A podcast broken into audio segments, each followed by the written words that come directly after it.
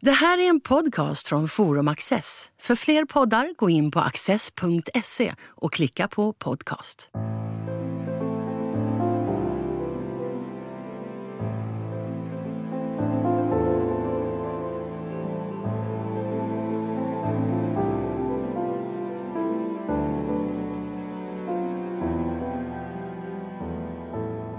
Hej och välkommen till en ny bok där vi ska prata om drogerna och samhället. Eh, En av kapitelförfattarna är här, nämligen Hanna Enefalk, docent i historia vid Karlstads universitet. En av kapitelförfattarna till denna bok. Välkommen hit, Hanna. Tack så mycket. Hanna, ditt kapitel handlar om drogernas långa historia. Eh, var tar droghistorien sin början?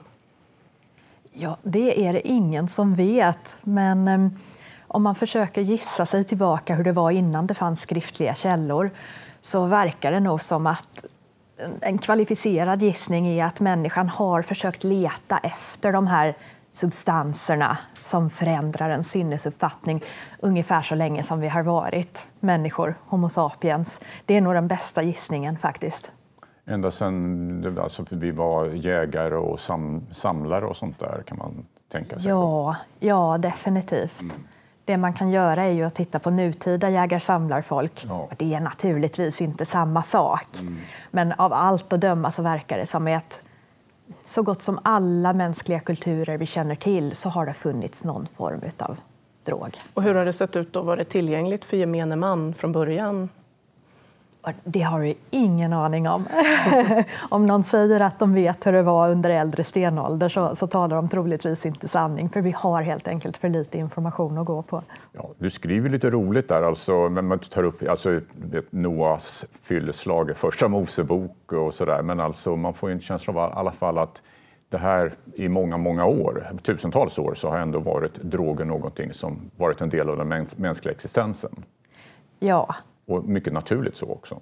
Ja, eh, jag, jag skulle gissa att droger så att säga alltid har funnits. Men eh, bara för att det alltid har funnits så behöver det ju inte vara bra. Nej. Det vill jag betona. Nej, och bara en sån här liten, eh, kanske beskäftig följdfråga på detta, men man tänker alltså, eh, vi, man, man ser ju droger som ett samhällsproblem. Fanns det, finns det belägg för att man redan för tusentals år sedan pratar om droger som ett samhällsproblem? Ja, man, man kallar det ju inte samhället förstås. Nej. Men man talar ju i termer av gott och ont och i termer av moral och att, att göra det rätta gentemot vilken gud man nu trodde på.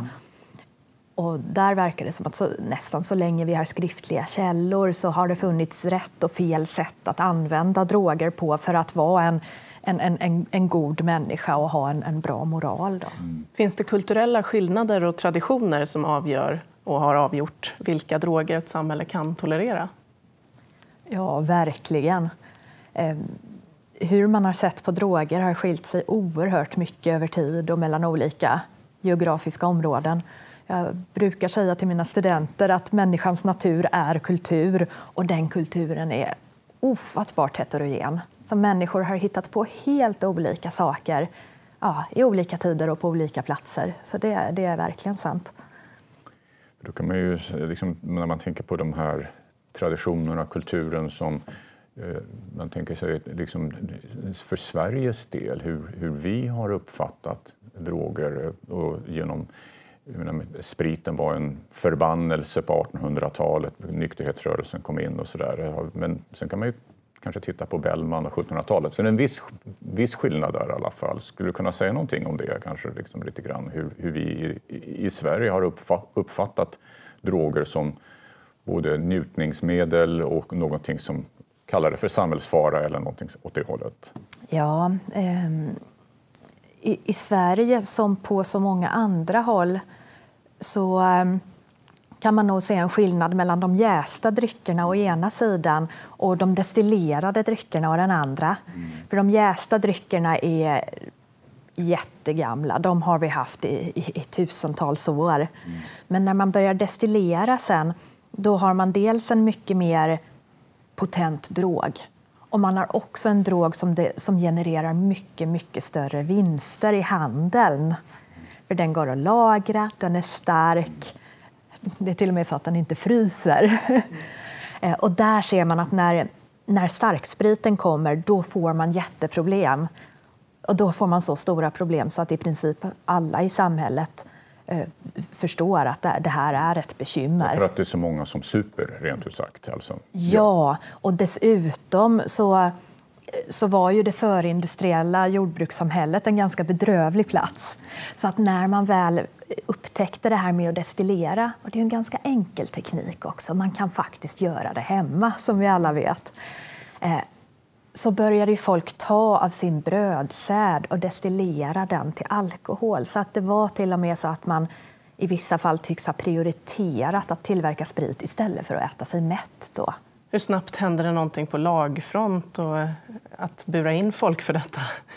Det hände fort. Mm. Eh, och alkohollagstiftningen i Sverige den, den präglas av att man har, man har gått in med mycket lagstiftning regelbunden lagstiftning, snabba förändringar i lagstiftningen också. Så det kan man se faktiskt från, från Gustav Vasa och framåt att eh, Eh, olika ordningsregler och lagstiftning mot dryckenskap och svalg, som det kallades, det, det har kommit. Det har man, lagstiftarna jobbat mycket med i Sverige. Det är ju en, det här med droger som ett begrepp, det är ju ändå verkar ganska elastiskt om man säger det. Så, så man tycks har haft olika betydelse historiskt sett. Vi har liksom varit lite inne på det. Men alltså, finns det någon definition på drog egentligen? Alltså, jag får med, du är lite inne på det i ditt kapitel i alla fall. Ja, det är, som sagt, begreppet är vagt. Mm. Och jag tror inte att... Jag är faktiskt inte säker på om medicinarna egentligen använder ordet drog utan att precisera lite närmare.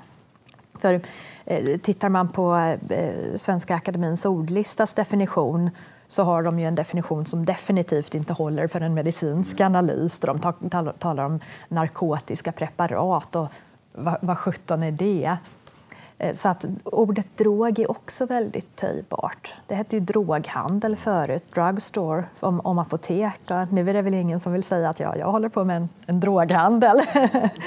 Så att det, ordet har ju blivit mer och mer negativt också i, i svenskt språkbruk. Ja, när vi ändå är inne på det här med, med liksom, jag kan säga, folk tjänade pengar på människors eh, elände och som det, man börjar bli mer och mer medveten om på 1800-talet. Så, sen, sen är ju, och det skriver du om, liksom att droger, och då i det här fallet så var det tobaken som blev en del av den globala ekonomin. Alltså, men den, det gjorde ju många eh, människor beroende och sådär, men det var ju så länge sedan. Men alltså tobak började man ju röka också gemene man på ett ganska tidigt tal. Det var väl på 1600-talet när den här stora handeln kom igång. Ja. Eh, man upptäckte nya världsdelar. Precis. Mm. Globalisering och droghandel går ju också hand i hand. Mm. Och 1600-talet är just intressant för det var ju ett dåligt århundrade. Det var ett århundrade när folk svalt på, i stora delar av hela jordklotet. Och då går ändå tobakshandeln den går kanonbra. Mm. Hade det någonting att göra med, alltså, det var väl med klimatförändringar och sånt där och en liksom, liten istid eller vad det alltså, Ja, nu för tiden så skulle vi ju vi vara glada om det kom ett dipp i temperaturerna men på den tiden och särskilt för oss lite längre norröver så var ju ett, en, en, ett svalare klimat var ju inte bra för oss då. Du nämnde globaliseringen nu. Hur har, hur har den påverkat drogsynen och över, över olika landsgränser så att säga? Dels, det viktigaste är väl att det har gjort att um, utbudet har ju förändrats helt. När man har hela världen att spela på eh, då kunde man ju plocka substanser från olika kontinenter, olika klimatzoner. Och när alla vet om att det här finns, då, då har man helt andra möjligheter att, att köpa där det är billigt och sälja där det är dyrt. Ehm, och dessutom den här ehm, globala världen från slutet av medeltiden och framåt, den gör ju också att vetenskapsmännen börjar tänka till. Att titta, vi, vi har så mycket olika grejer här och här har man lärt sig göra så och här har man lärt sig, lärt sig göra så här. Så att där börjar man ju också just med det här att, att, att jobba med drogerna, att hitta den aktiva substansen, försöka ta fram den. Så där någonstans, i och med globaliseringens ökade kunskaper, så har vi också fröet till faktiskt att man idag kan sitta på ett laboratorium och verkligen konstruera en drog. Så det är ju ett resultat av en historisk vetenskaplig utveckling faktiskt. Och på tal om det där med gott och ont, tobak och sen kommer vi, du nämner ju sockret också, vi kan prata lite mer om det sen, men alltså det här att det här var ju en del, alltså slavhandeln var ju en del av detta eh, med, med de grymheterna och hela, men det var ju också en del av den, den säga, globala ekonomin. Alltså, eh, men det där är ju en, en, en aspekt på, om man kan kalla det för drog, droghandeln, om tobak och sen socker, sockerplantager och så vidare. Så det är, en, det är någonting som finns med i, i, själva, i ditt kapitel, det du skriver om, att det backar upp det hela på något sätt. Det verkar ju faktiskt som att när man handlar med droger så, eh, så är det lite som gruvnäringen, guld och droger. Där, där verkar det som att det alltid finns en avsättning och att det är branscher som också drar till sig ganska skrupelfria individer. Eh, så drogernas historia, mycket, mycket tidigt, handlar ju verkligen om eh, eh, tvångsarbete av olika slag. Eh, så det, det, det är en väldigt smutsig historia, drogernas historia. Det kan man verkligen säga. Och nu eh, förbjuds rökning på allt fler områden i Sverige. Och om man jämför med vad du sa tidigare, så att, att det boomade vid, eller bolmade vid 1600-talet, så, så är det nu nästan det är väldigt få som röker helt enkelt. Hur kommer det se ut i framtiden? Är det helt borta? Ja, det får vi ju verkligen se. Folk frågar ju mig ibland vad kan vi lära oss av historien. Då? Vad, vad fungerar om man vill få bort drogproblem till exempel? Eh, och det, det underliga är ju då att när det gäller rökförbudet så verkar det ju funka ganska bra i Sverige att bara säga först att nu får ni inte röka på krogen och då fimpar folk snällt. Och nu får ni inte röka på uteserveringarna heller och det funkar ganska bra. Medan om man tittar på Kinas historia med rökning under de gamla kejsarnas tid då, för flera hundra år sedan, eh, då, då hotar man vid ett tillfälle att, att, att sätta upp folks huvuden på pålar om de rökte. Det är ganska drastiskt och Det är dra till med en sån metod nu. Det är ganska drastisk lagstiftning Ja. och det fungerade inte. Men det är klart att människor vet ju nu eh, mycket mer än man visste tidigare om, om nikotin, alltså tobak. Ända fram till 50-60-talet så förstod inte människor detta. Men sen kommer ju då kampanjer. Jag menar, vi, har ju, vi är ett folkbildarland detta med så alkoholen, samma sak, att man, man utbildar människor, de får reda på detta. Och, så det ligger väl en, en, liksom en rätt tung del i förklaringen till att folk faktiskt, liksom som du säger, snällt fimpar. Ja, vi liksom, och, det, och det finns en slags säga, samhällsintresse kring detta.